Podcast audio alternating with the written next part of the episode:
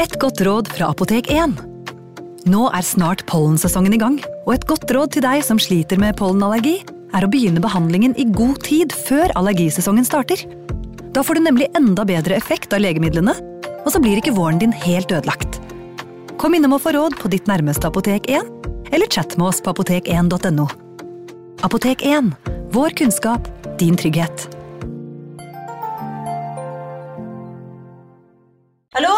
Jeg kommer fra Oslo politikammer. Ine Jansen er purk. Er du purk? The motherfucking bitch. Alt jeg vil, er å finne ut hva som skjedde med mannen min. Jon Carew. Er jeg sikta for noe? Iben Akeli. Det er du. Ole So, Lars Berrum og Big Daddy Karsten. Hvem sin side er du på, egentlig? Anette Hoff, Tone Danielsen, Kommer du fra Afrika? Jørnis Josef, Nesten. Kløfta. Trond Espen Seim, Det er synd å si det, men det var feil mann som døde. Purk. Premiere tirsdag på TV2 Play. Ungsamtalen fra DNB er økonomisk veiledning tilpasset deg som er ung. Bokk en ungsamtale på dnb.no. slash ung. Det er kjempebra hvis du skal inn på boligmarkedet, hvis det er drømmen din, liksom. Det er det du skulle sagt. Og så kunne du ropt litt mer, da, sånn som jeg gjorde. Bam! Advarsel. Historiene vi forteller i denne podkasten kan være fiktive og avvike fra den opprinnelige historien av dramaturgiske årsaker. Meninger og påstander i historiene reflekterer nødvendigvis ikke programledernes meninger eller virkeligheten.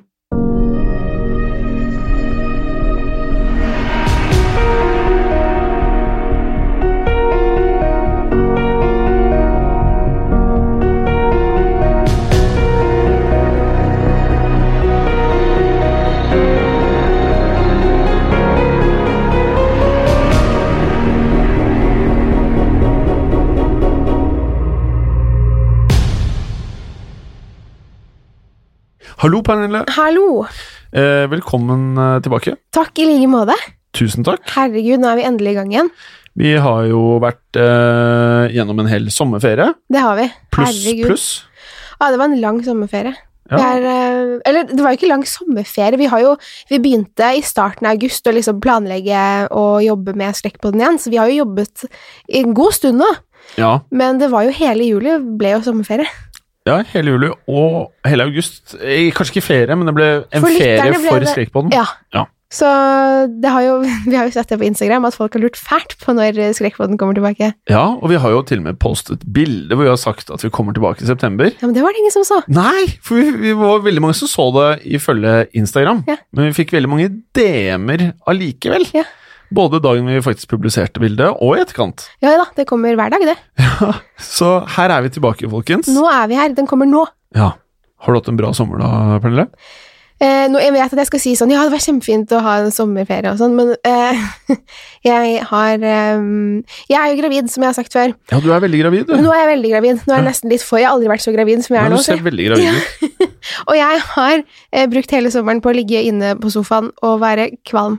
Nå ser jeg at du er litt skeptisk i koppen din. Vi har en flue i studio Ja, i nå drakk jeg fra der fluen satt. Ja. Æsj!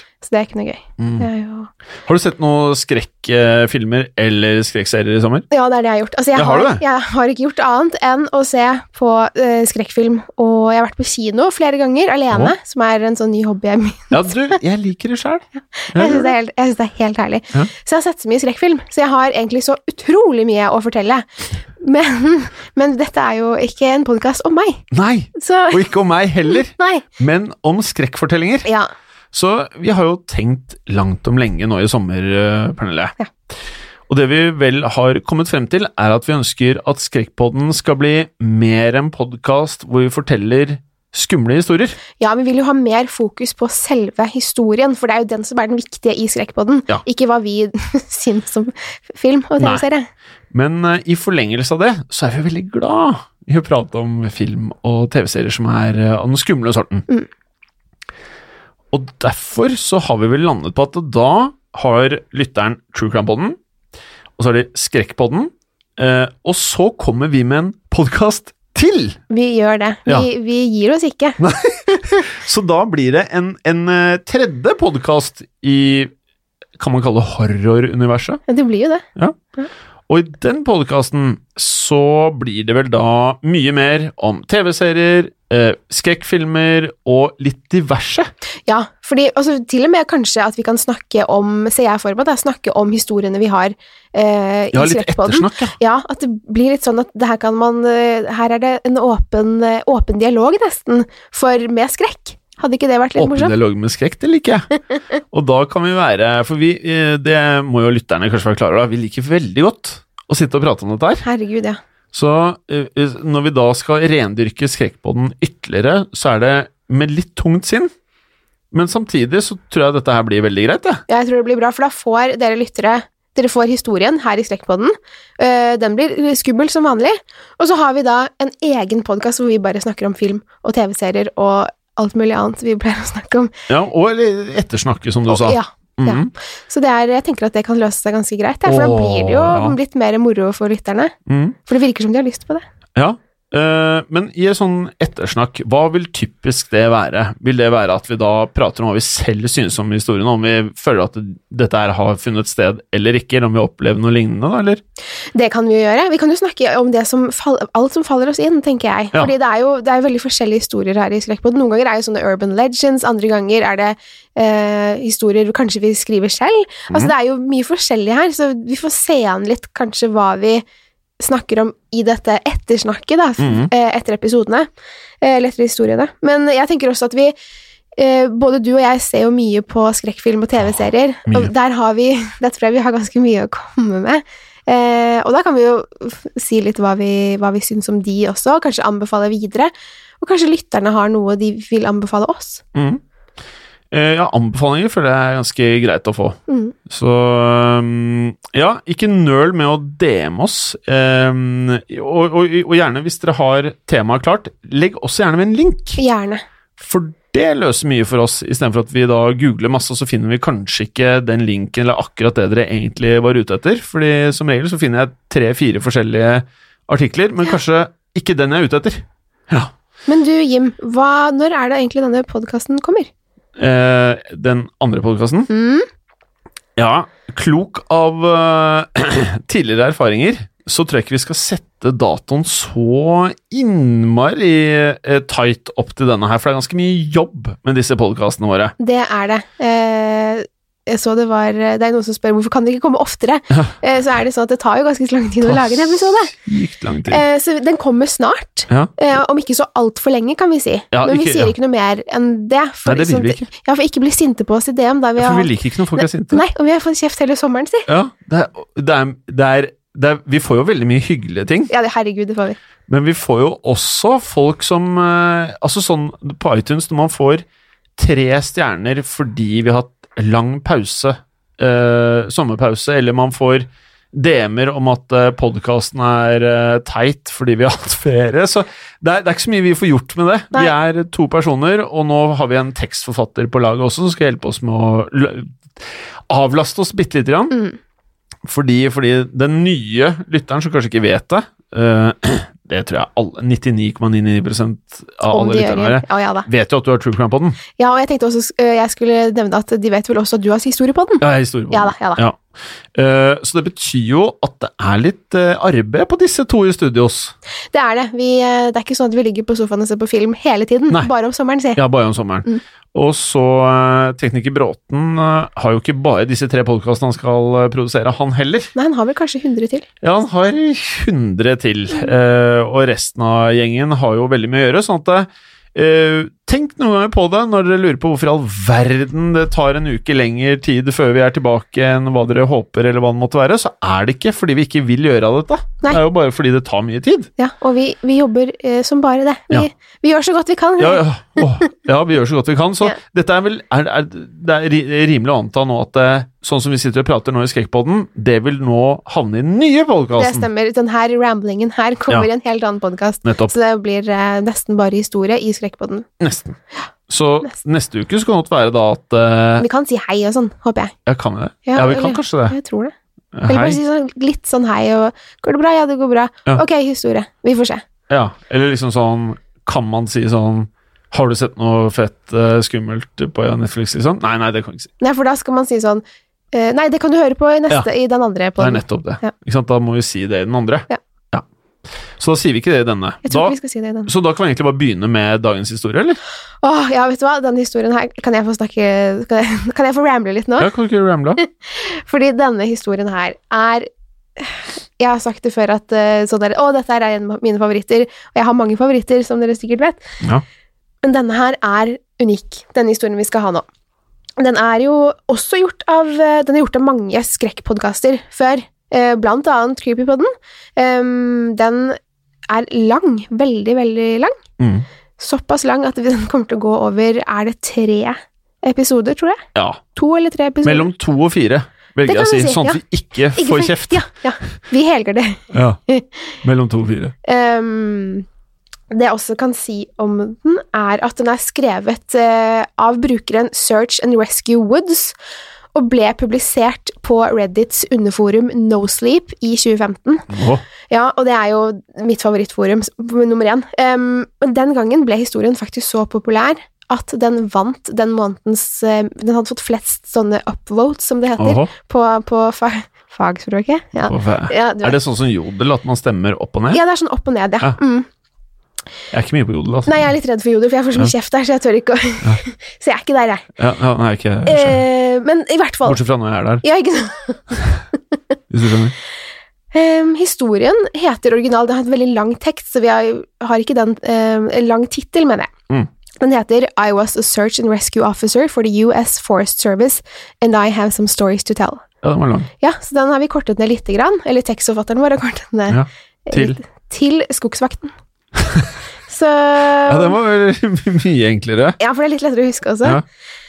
Um, og så, det handler jo om en, en eh, sånn search and rescue officer på godt norsk, en sånn skogsvakt, som har Han er på slutten av karrieren sin, og han har opplevd så mye rart. Han har opplevd både mennesker som forsvinner, altså sånne altså forsvinningssaker, dødsfall Han har også opplevd altså sett litt sånne rare vesener og rare, uforklarlige ting i skogen under alle, gjennom alle disse årene han har vært eh, skogsvakt. Ja. Så han forteller liksom disse historiene. Så det er eh, Jeg gleder meg til å dele den her med lytterne. Jeg gleder meg til at du skal dele med lytterne. Det er såpass? Ja, jeg gjør det. Ja, det er hyggelig å høre, Jim. Men er det sånn eh, da å forstå at vi også kanskje noen ganger har fortellinger sammen? Fordi at det, sånn vi tenkte er, du tar noen, jeg tar noen, Mm. Ja. eh, og så kan vi ha noen sammen. Ja, det tror jeg vi gjør, for den er ganske lang, og man trenger ikke Nå har jeg liksom sikkert snakket i det noen minutter bare sånn Du har oppsummert litt av fortellingen Ja. i forkant. Ja. Det er fint. Så jeg tenker at nå skal, så skal jeg bare lese hele tiden, så vi bytter litt på, da. Ja, ja. Men kanskje jeg begynner, og så kan vi se hvor um, om, Og du også skal lese noe her? Mm. Ja. Jeg tenkte at du kunne begynne med den, ja da. Ja, jeg gjør det.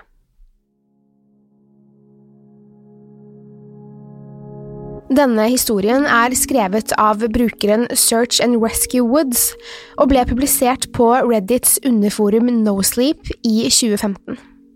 Den gang ble historien så populær at den vant beste historie for måneden den var publisert, og den ligger fortsatt på NoSleep sin toppliste. Originalt heter historien I was a search and rescue officer for the US Forest Service, and I have some stories to tell. Teksten er lang, veldig lang, og den er delt opp i forskjellige hendelser som har skjedd i løpet av karrieren til denne mannen. Noen handler om mennesker som forsvinner sporløst i skogen, andre om merkelige vesener og skumle opplevelser mannen selv har kjent på kroppen, og noen har han gjenfortalt fra andre. Vi kommer til å ta med utdrag fra historien til denne skogvokteren, og historien kommer i tre deler. Han starter historien slik. Jeg visste ikke helt hvor jeg skulle poste disse historiene, så jeg tenkte jeg kunne publisere dem her. Jeg har jobbet som redningsmann i mange år nå, og jeg har sett ting jeg tror dere vil finne interessante. Jeg er ganske god på å finne savnede mennesker, om jeg får si det selv. De fleste har bare gått seg ville, kommet bort fra stien, snublet ned en skrent og finner simpelthen ikke veien tilbake. Majoriteten av dem har hørt den gamle regelen bli hvor du er, og følger den, for de har sjelden kommet langt bort. Likevel, jeg har hatt to saker hvor det ikke skjedde, hvor vi ikke fant de savnede. Begge sakene plager meg fortsatt, og jeg bruker dem som motivasjon for å lete enda grundigere i de sakene jeg blir kalt ut til den dag i dag. Den første historien handler om en liten gutt som var på tur med foreldrene sine for å plukke bær. Han og søsteren gikk sammen, og de forsvant omtrent på samme tidspunkt. Foreldrene mistet dem av syne i et par sekunder, og plutselig hadde begge barna vandret av gårde. De var søkk borte. Foreldrene lette litt selv først, men da de ikke fant tegn til barna, ringte de oss, og vi rykket ut for å gjennomsøke området. Heldigvis fant vi datteren ganske raskt, men da vi spurte jenta hvor broren hennes var, sa hun noe jeg aldri glemmer, noe jeg ofte tenker på enda. Hun kunne fortelle at broren hadde blitt tatt av Bjørnemannen. Jenta forklarte at Bjørnemannen hadde gitt henne bær og sagt at hun måtte være helt stille, for Bjørnemannen ville leke med broren hennes. Det siste hun husket, var at broren satt på skuldrene til mannen mens han vandret av gårde innover den tykke skogen.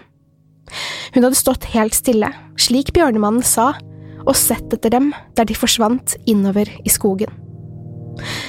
Det første vi tenkte på, var selvfølgelig at han var blitt kidnappet, men vi fant aldri et eneste spor av at det hadde vært et annet menneske i området gutten ble kidnappet fra.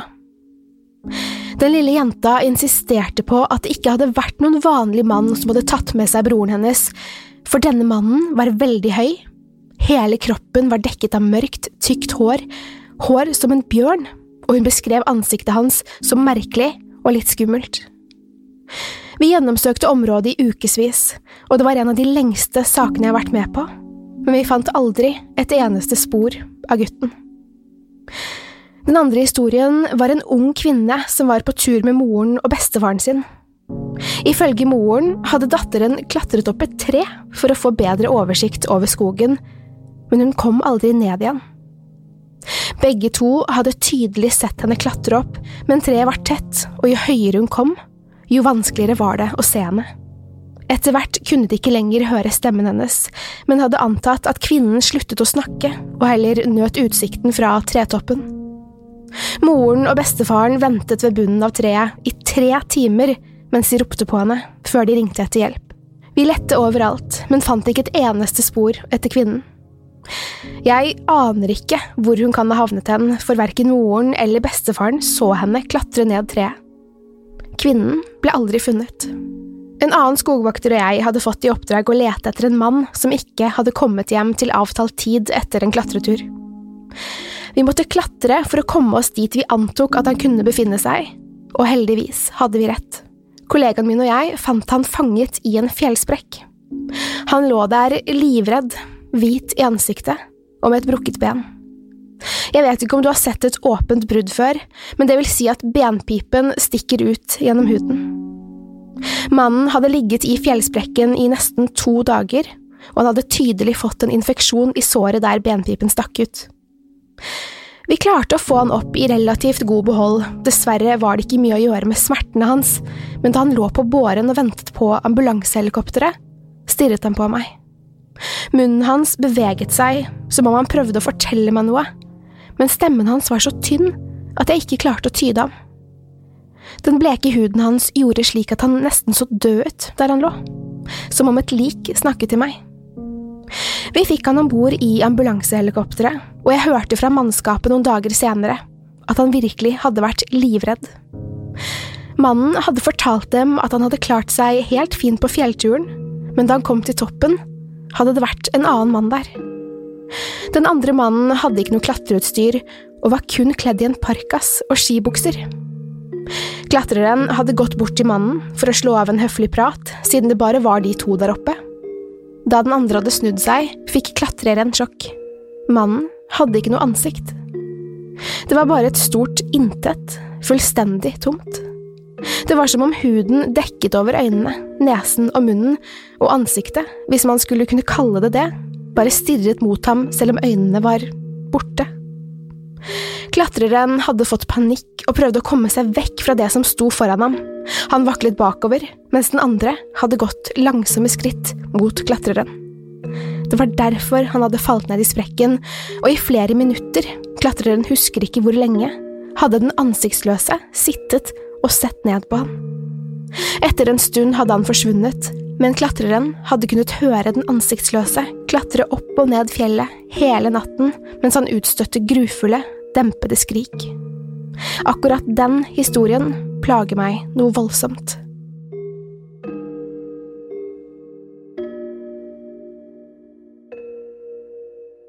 En av de skumleste tingene som har skjedd med meg, var da vi lette etter en ung kvinne som hadde kommet bort fra resten av turgruppen sin. Vi var ute og lette sent om natten, siden hundene hadde fått ferten av henne og virket for ivre til at det var forsvarlig å stoppe på det tidspunktet. Heldigvis fant vi henne. Kvinnen lå sammenkrøket under en stor, råtten trestamme. Hun hadde verken ryggsekken eller skoene sine på seg eller rundt seg, og var åpenbart i sjokk. Katatonisk lå hun der og stirret stivt fremfor seg. Hun enset oss ikke i starten, men etter hvert fikk vi kontakt. Kollegaen min og jeg undersøkte henne, men hun var ikke skadet, så vi fikk henne på bena, og hun gikk tilbake til basen sammen med oss. På veien kikket hun seg konstant over skulderen, og med en tynn stemme spurte hun hvorfor den store mannen med sorte øyne fulgte etter oss. Verken jeg eller kollegaen min så noen, så vi antok at hun kunne være i sjokk. Likevel, jo nærmere vi kom basen, jo mer opprørt ble kvinnen. Etter hvert trodde jeg ikke lenger at hun skalv av kulde. Damen skalv av redsel. Flere ganger ba hun meg om å beordre mannen bak oss til å slutte å skremme henne. På et tidspunkt stoppet hun, snudde seg og startet å skrike ut i skogen. At hun ville han skulle la henne være i fred. Hun skulle ikke bli med han, ropte hun mens hun gråt og skalv. Da vi endelig fikk henne til å gå videre, kunne vi høre rare lyder fra skogen rundt oss. Det hørtes ut som en slags dyp hosting, men mørkere og mer rytmisk enn vanlig. Den var dyraktig på en måte, jeg vet ikke helt hvordan ellers den er å beskrive. Da vi var i utkanten av basen, snudde kvinnen seg mot meg, øynene hennes var vidåpne. Leppene hennes skalv, hun la hånden på skulderen min, så meg rett i øynene og sa, Han sier jeg skal be deg om å skynde deg, han liker ikke arret i nakken din. Jeg frøs til, for det kvinnen sa, hadde hun ingen mulighet til å vite om. Jeg har et lite arr nederst i nakken, men det er omtrent alltid skjult av skjortekragen min, og jeg aner ikke hvordan kvinnen så det. Rett etter at hun sa det, hører jeg den rare hostingen igjen rett i øret mitt, og jeg skvatt himmelhøyt. Det hørtes ut som noen var der, rett ved siden av meg, men jeg kunne ikke se noen. Det var bare meg, kvinnen og kollegaen min på den øde skogsveien. De begynte å skumre, og vi tok henne med inn i hytta der kontorene våre ligger. Jeg prøvde ikke å la det synes hvor skremt jeg hadde blitt av det kvinnen hadde sagt. Da vi ventet på at ambulansen skulle komme for å undersøke henne, sto kvinnen og kikket ut av vinduet, ut i den beksvarte kvelden. Å nei, utbryter hun og snur seg mot meg. Mannen med de sorte øynene står utenfor og venter på deg. Noe av det tristeste med jobben er savnede barn. Det har ikke noe å si hvilke omstendigheter de forsvinner under, det er aldri lett, og det føles alltid grusomt hvis vi finner noen døde. Det skjer ikke ofte, men når det skjer, går det veldig innpå oss. Jeg har opplevd flere saker der barn har endt opp på steder der de enten ikke burde være, eller ikke skulle kunne ha vært, men likevel finner vi dem der. Jeg husker spesielt én sak da en liten gutt forsvant. En mor og hennes tre barn var ute på en piknik i nærheten av en liten innsjø. En var seks år, en var fem, og den siste var tre år gammel. Moren holdt øye med dem alle, og ifølge henne slapp hun dem aldri av syne. Det skal ikke ha vært noen andre i området heller, en vesentlig detalj i denne historien. Moren pakket sammen sakene deres, og familien gikk mot parkeringsplassen. Innsjøen er bare tre kilometer inn i skogen, og stien de tok er bred og godt opptråkket. Det er nesten umulig å gå seg bort mellom innsjøen og parkeringsplassen, med mindre du går vekk fra stien med vilje. Barna gikk foran moren. På dette tidspunktet hørte hun en lyd, det virket som om noen gikk rett bak henne. Hun snudde seg, og i de fire sekundene hun så vekk, forsvant hennes fem år gamle sønn. I starten tenkte hun at femåringen gikk bort fra stien for å tisse, og spurte de andre to barna hvor han gikk. De virket redde, og fortalte at en stor mann med et skummelt ansikt kom ut av skogen ved siden av dem, tok lillebrorens hånd og ledet ham innover i skogen, vekk fra stien. Moren fikk panikk da hun hørte hva barna fortalte, og lette febrilsk rundt i området etter barnet sitt.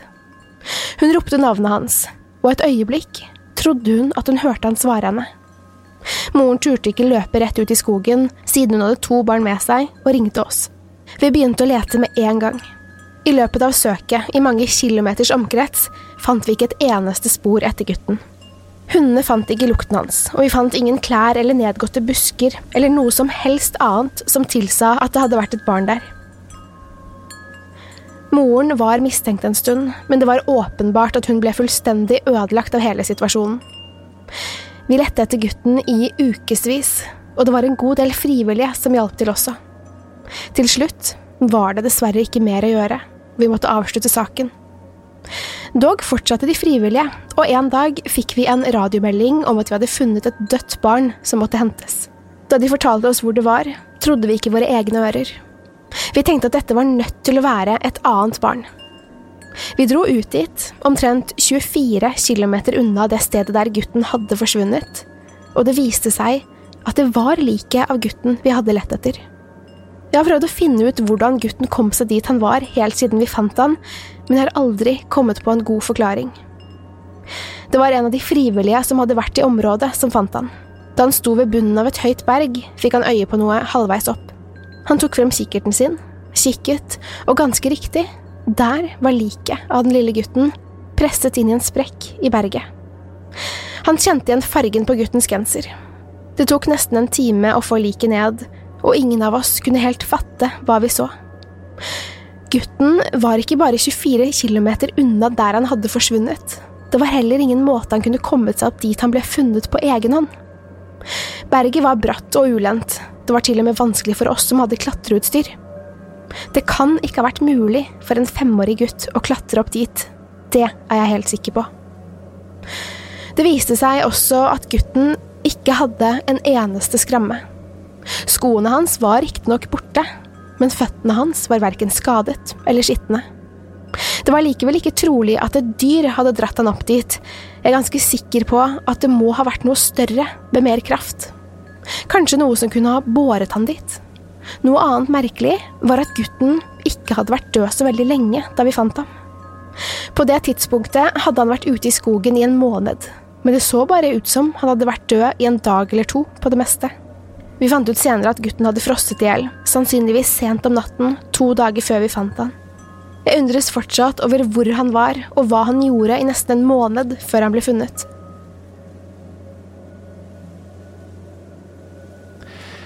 Et av de første oppdragene jeg fikk som lærling, var et søk etter en fireåring som hadde kommet bort fra moren sin. Dette var et av de tilfellene der jeg visste at vi kom til å finne han. Fordi hundene hadde fått ferten han, og vi så spor etter gutten i området. Vi endte opp med å finne han i en lysning omtrent en kilometer unna der han sist hadde blitt sett. Gutten visste ikke engang at han hadde vandret så langt. En av veteranene tok han med tilbake, noe jeg var veldig glad for fordi jeg ikke er så flink med barn. Jeg synes det er vanskelig å snakke med dem og holde dem med selskap. Mens sjefen min og jeg var på vei tilbake, bestemmer hun seg for å ta meg med en omvei for å vise meg et av de vanligste stedene der vi finner savnede personer. Det er en naturlig liten dal i nærheten av en populær tursti, som er et par kilometer unna. Vi kom oss dit på ca. en time. Mens vi gikk rundt i området, viste hun meg steder det er blitt funnet folk før. Plutselig fikk jeg øye på noe et stykke unna. Området ligger omtrent 13 km unna parkeringsplassen. Men det er noen små veier man kan komme seg innover i skogen for å komme nærmere hvis man ikke vil gå så langt. Akkurat da var vi på beskyttet mark, som betyr at det ikke kan være noe som helst av bygging av boliger eller kommersiell drift på stedet. Det eneste man kan støte på, er branntårn eller gamle, forlatte hus bygget for over 100 år siden. Fra der jeg sto, kunne jeg se noe som ikke hørte til skogen. Jeg fortalte det til min overordnede, men hun trakk på skuldrene og sa ingenting. Hun holdt seg i bakgrunnen mens jeg gikk for å undersøke. Da jeg var litt over fem meter unna, kjente jeg hårene reise seg i nakken. Det var en trapp midt i skogen. I hvilken som helst annen situasjon ville dette vært den mest ufarlige tingen i verden. For det var bare en vanlig trapp. Med ti trappetrinn dekket av kremfarget teppe. I stedet for å være i et hus hvor den åpenbart burde ha vært, så var den her, langt ute i skogen. Siden av trappen var ikke dekket av teppe. Derfor kunne jeg se treverket den var laget av. Det kan minne om en slags glitch i et videospill, hvor huset ikke blir lastet inn skikkelig, og trappene er det eneste synlige. Flere av dere forstår nok hva jeg mener. Jeg husker jeg sto der mens hodet mitt jobbet på spreng for å forstå hva det var jeg så. Sjefen min kom bort og stilte seg ved siden av meg. Hun var helt rolig og så på trappen som om den var den minst interessante tingen i verden. Jeg spurte henne hva denne trappen gjorde her, midt i skogen, men hun ristet på hodet. Du må nok bli vant til det, og du kommer nok til å se mange av dem. Jeg forsøkte å gå nærmere trappen, men da grep hun armen min, hardt. Jeg ville ikke gjort det hvis jeg var deg, sa hun alvorlig. Stemmen var rolig, men hun holdt fortsatt stramt rundt armen min. Du kommer til å se dem hele tiden, men gå ikke i nærheten av dem. Ikke ta på dem. Ikke gå bort til dem engang. Bare ignorer dem. Jeg forsøkte å stille flere spørsmål. Men noe i måten hun så på meg, fikk meg til å holde spørsmålene mine helt for meg selv. Vi endte opp med å gå videre, og temaet dukket ikke opp igjen under resten av opplæringsperioden min. Sjefen min hadde rett, for i omtrent hvert femte oppdrag jeg dro ut på, så støtte jeg på et par trapper. Noen ganger var de ganske nærme stiene, kanskje tre-fire kilometer unna. Andre ganger var de 30-50 km unna stiene. Bokstavelig talt midt ute i ingenting. Vanligvis så de nesten helt nye ut, men noen ganger så det ut som de hadde vært der i evigheter. Alle var forskjellige typer, i forskjellige størrelser. Den største jeg hadde sett, så ut som noe som kom rett ut fra et 1900-tallsgods. De var minst tre meter brede, og trinnene gikk 56 meter opp. Jeg hadde prøvd å snakke med folk her om akkurat dette, men de sa bare det samme som sjefen min. Det er helt normalt, og du trenger ikke å bekymre deg for dem. De er ikke viktige i det hele tatt, men bare ikke gå nær de. Hvis nye lærlinger spør meg om dem nå, så svarer jeg akkurat det samme. Jeg vet ikke helt hva annet jeg skal si om dem, for å være helt ærlig. Jeg håper jeg får et bedre svar, før eller siden. Men jeg har ikke fått et ennå. Hvis du er glad i Skrekkpodden, så kan vi anbefale deg å høre på to andre podkaster fra moderne media. Historiepodden. Og True Crime-podden. Ja. Og spre det gjerne til venner og bekjente. Gjør det.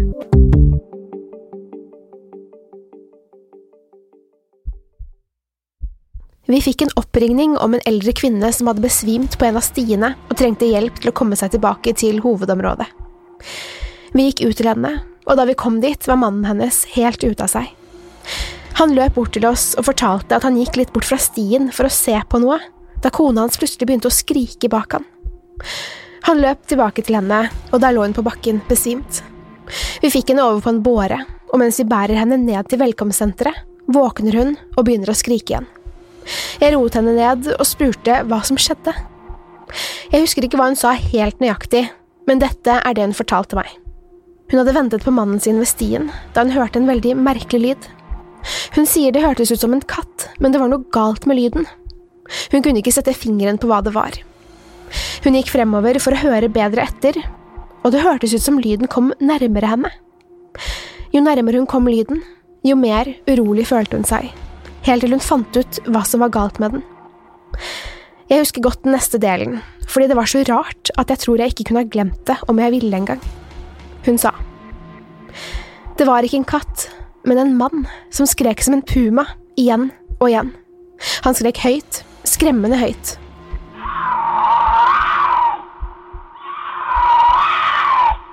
Men det var ikke en mann, det kan det ikke ha vært, for jeg har aldri hørt en mannsstemme skrike som han gjorde. Jeg trodde at høreapparatet mitt var ødelagt, men det var det ikke. Jeg justerte det, og skrikene var fortsatt der. Det var helt grusomt. Han kom nærmere, men jeg kunne ikke se ham klart, det var som en kornete film. Jo nærmere jeg kom, jo mer redd ble jeg, og det siste jeg husker, var at mannen hoppet mot meg. Det var vel da jeg besvimte. Vel, jeg ble jo litt forbløffet over at en mann skrek til folk midt i skogen, så da vi kom ned fra fjellet, sa jeg til sjefen min at jeg ville gå ut og undersøke området for å se om jeg kunne finne mannen. Han sa det var greit, og jeg tok med meg radioen og gikk tilbake til der den eldre kvinnen besvimte. Jeg kunne ikke se noen, så jeg gikk noen kilometer til. På tilbakeveien gikk jeg vekk fra stien for å se om jeg kunne finne ut hvor hun hadde sett mannen. Det var allerede nesten mørkt ute, og jeg hadde ikke lyst til å være alene i skogen om natten, derfor skyndet jeg meg tilbake. Plutselig hørte jeg noe i det fjerne.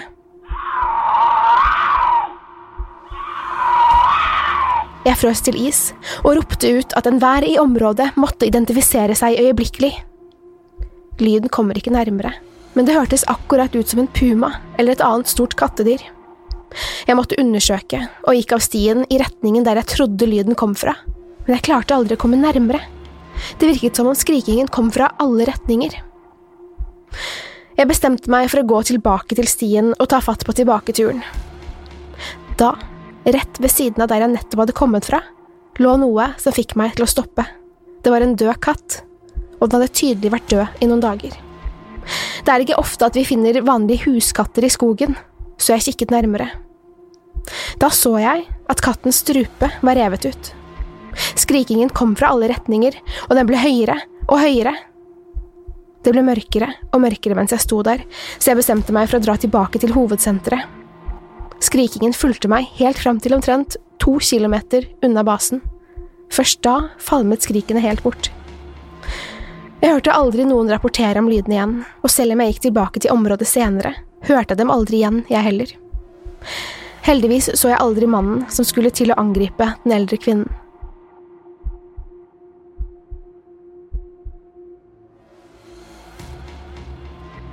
Jeg holdt på å glemme denne historien, noe som er litt rart, for dette er det skumleste jeg noensinne har opplevd. Når man tilbringer nesten all sin tid ute i skogen, er det viktig å ikke bli redd om man er alene. Kanskje det er derfor jeg glemte denne, fordi jeg fortrengte hendelsen. Dette er den eneste situasjonen som har fått meg til å virkelig revurdere om yrket mitt som skogsvakt er det riktige for meg. Jeg liker ikke egentlig å snakke om det, men jeg skal gjøre mitt beste for å fortelle alt som skjedde. Så vidt jeg husker, så endte dette sent i mai. Det var en forsvinningssak der en jente på fire år hadde vandret vekk fra familiens teltplass og hadde vært borte i to timer. Foreldrene hennes var fullstendig fortvilte og fortalte oss det de fleste foreldre pleier å si. Barnet vårt ville aldri gått fra oss. Hun er så flink til å holde seg i nærheten. Hun har aldri gjort noe som dette før. Vi forteller foreldrene at vi skal gjøre alt vi kan for å finne henne, og setter i gang søket. Jeg ble gruppert sammen med en venn av meg, og vi snakket om løst og fast mens vi lette etter jenta. Dette høres litt ufølsomt ut, men man blir på en måte godt vant til situasjoner som dette når man har hatt en slik jobb lenge nok.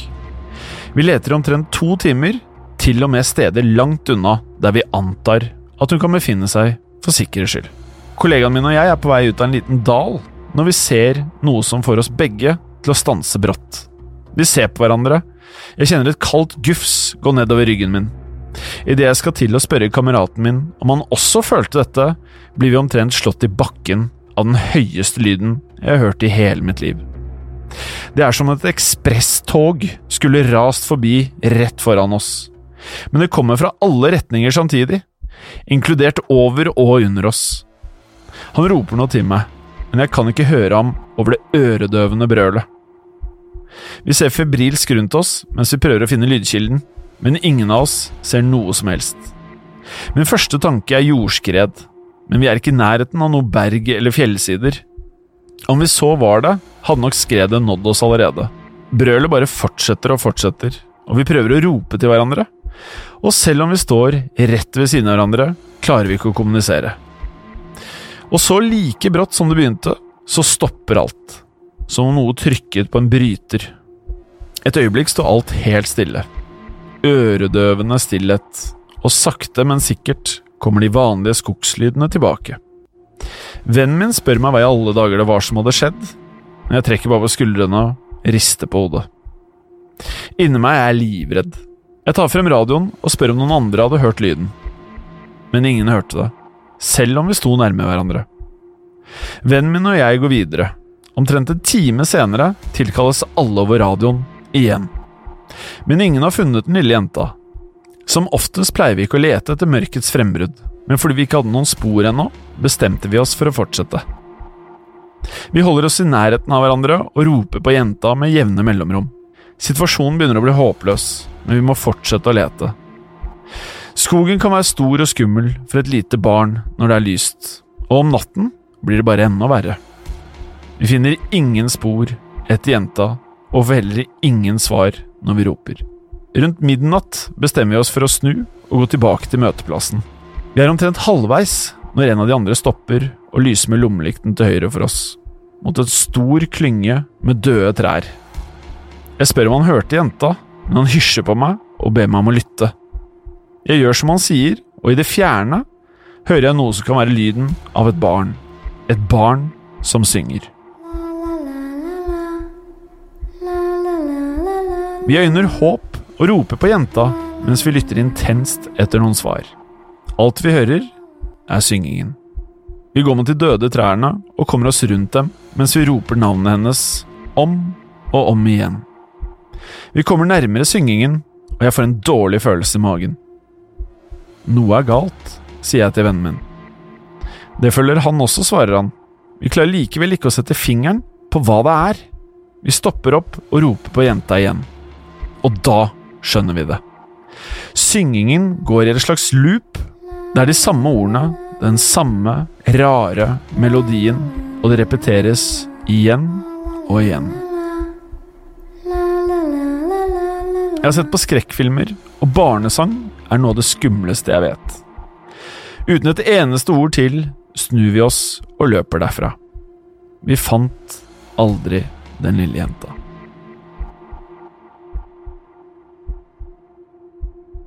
Til slutt kommer en historie som skjedde en venn av meg. Han har også støtt på de mystiske trappene i skogen, men i dette tilfellet fikk han langt mer nærkontakt med dem enn jeg noensinne har fått. Da han så trappene for første gang, fikk han fortalt det samme som jeg fikk, at man aldri måtte gå i nærheten av dem eller ta på dem. Det første året lyttet han til rådet, men en dag ble nysgjerrigheten for stor, så under et søk bestemte han seg for å gå vekk fra de andre og undersøke trappene. Han fortalte at de andre hadde vært omtrent 20 km unna stien der tenåringsjenta hadde forsvunnet, og hundene hadde fortsatt å søke ivrig etter henne. Han holdt seg litt bak gruppen da han plutselig så et par trapper til venstre for seg. De så helt nye ut, for teppet i trappetrinnene var skinnende hvite. Vennen min fikk en rar følelse over seg, som om han forventet at noe merkelig skulle skje. At han skulle begynne å blø fra ørene, eller bare kollapse, for eksempel, men han gikk bort til dem likevel. Det som var så merkelig, sa han, var at det ikke var noe rusk på trappetrinnene. Ikke noe støv, eller jord, eller løv. Ikke noe som helst. Det var heller ingen tegn til aktivitet fra dyr og insekter i området rundt trappene. Han la hånden på trappen.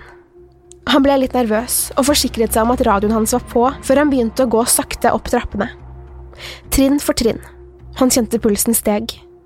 Det skremte vettet av han å gå opp trappen, for han tenkte på advarslene han hadde fått, og ante ikke hva som kom til å skje med han. Han kom til toppen av trappen uten at noe særlig skjedde. Der sto han og så seg rundt.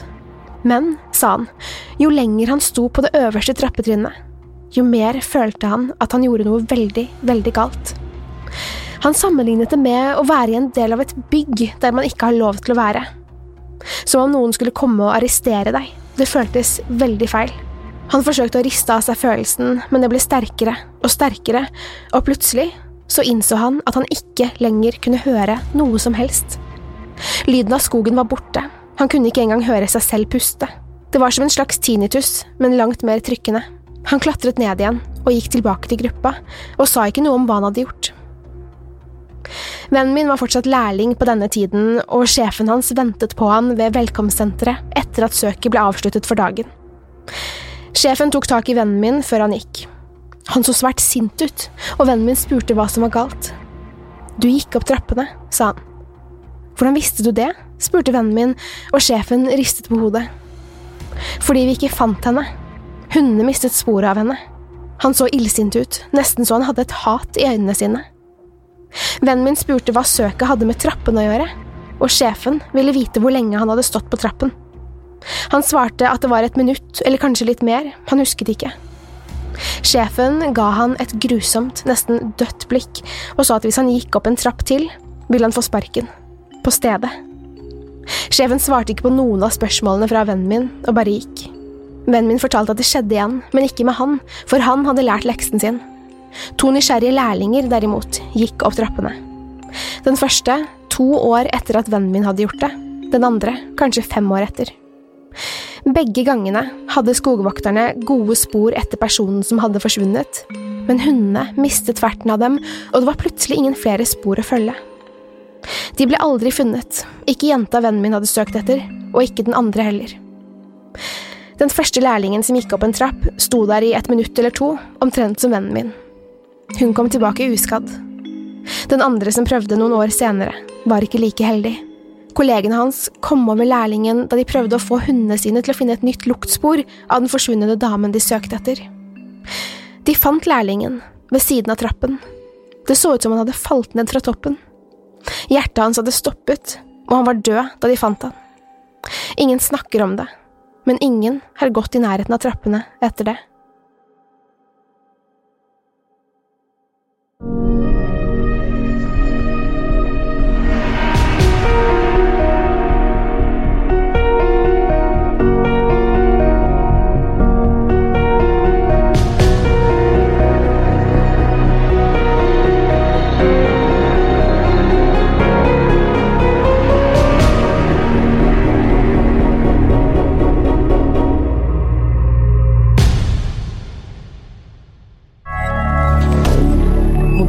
Media. Ukens annonsør er Folio, en smartere banktjeneste for deg som har en egen bedrift eller ønsker å starte for deg selv. Folio er en superenkel nettbank for bedrifter. Som kunde i Folio får du en bedriftskonto med et bedriftskort og app. I denne appen er det smarte løsninger som forenkler regnskapet ditt, uansett om du har en liten bedrift eller et enkeltpersonsforetak. Folio er både intuitivt og brukervennlig, og er laget med et enkelt språk. I tillegg tilbyr de forutsigbare priser og ingen skjulte gebyrer. Skulle du likevel trenge det, så kan du snakke med deres raske og hyggelige kundeservice, og der får du prate med en faktisk person og ikke en chatbot. Folio er med andre ord både enklere og koseligere enn banken. Over 10 000 bedrifter har allerede valgt Folio som sin banktjeneste, så besøk folio.no og se hvordan Folio kan forenkle din hverdag også. Har du et enkeltpersonforetak eller en liten bedrift? Da er du sikkert lei av å høre meg snakke om hvor enkelt det er med kvitteringer og bilag i fiken, så vi eh, gir oss her, vi. Fordi vi liker enkelt. Fiken superenkelt regnskap. Kiwi er billigst i VGs matbørs og har vært billigst i fire av de fem siste VGs matbørser. Og nå presser vi prisene på frukt og grønnsaker. På 200 gram broccolini setter vi prisen til 24,90. På 400 gram Cevita blåbær setter vi prisen til 49,90. Og husk, alle Kiwi Pluss-kunder får i tillegg 15% trumfbonus på all fersk frukt og grønt. For det er vi som er prispresserne. Og vi i Kiwi gir oss aldri på pris.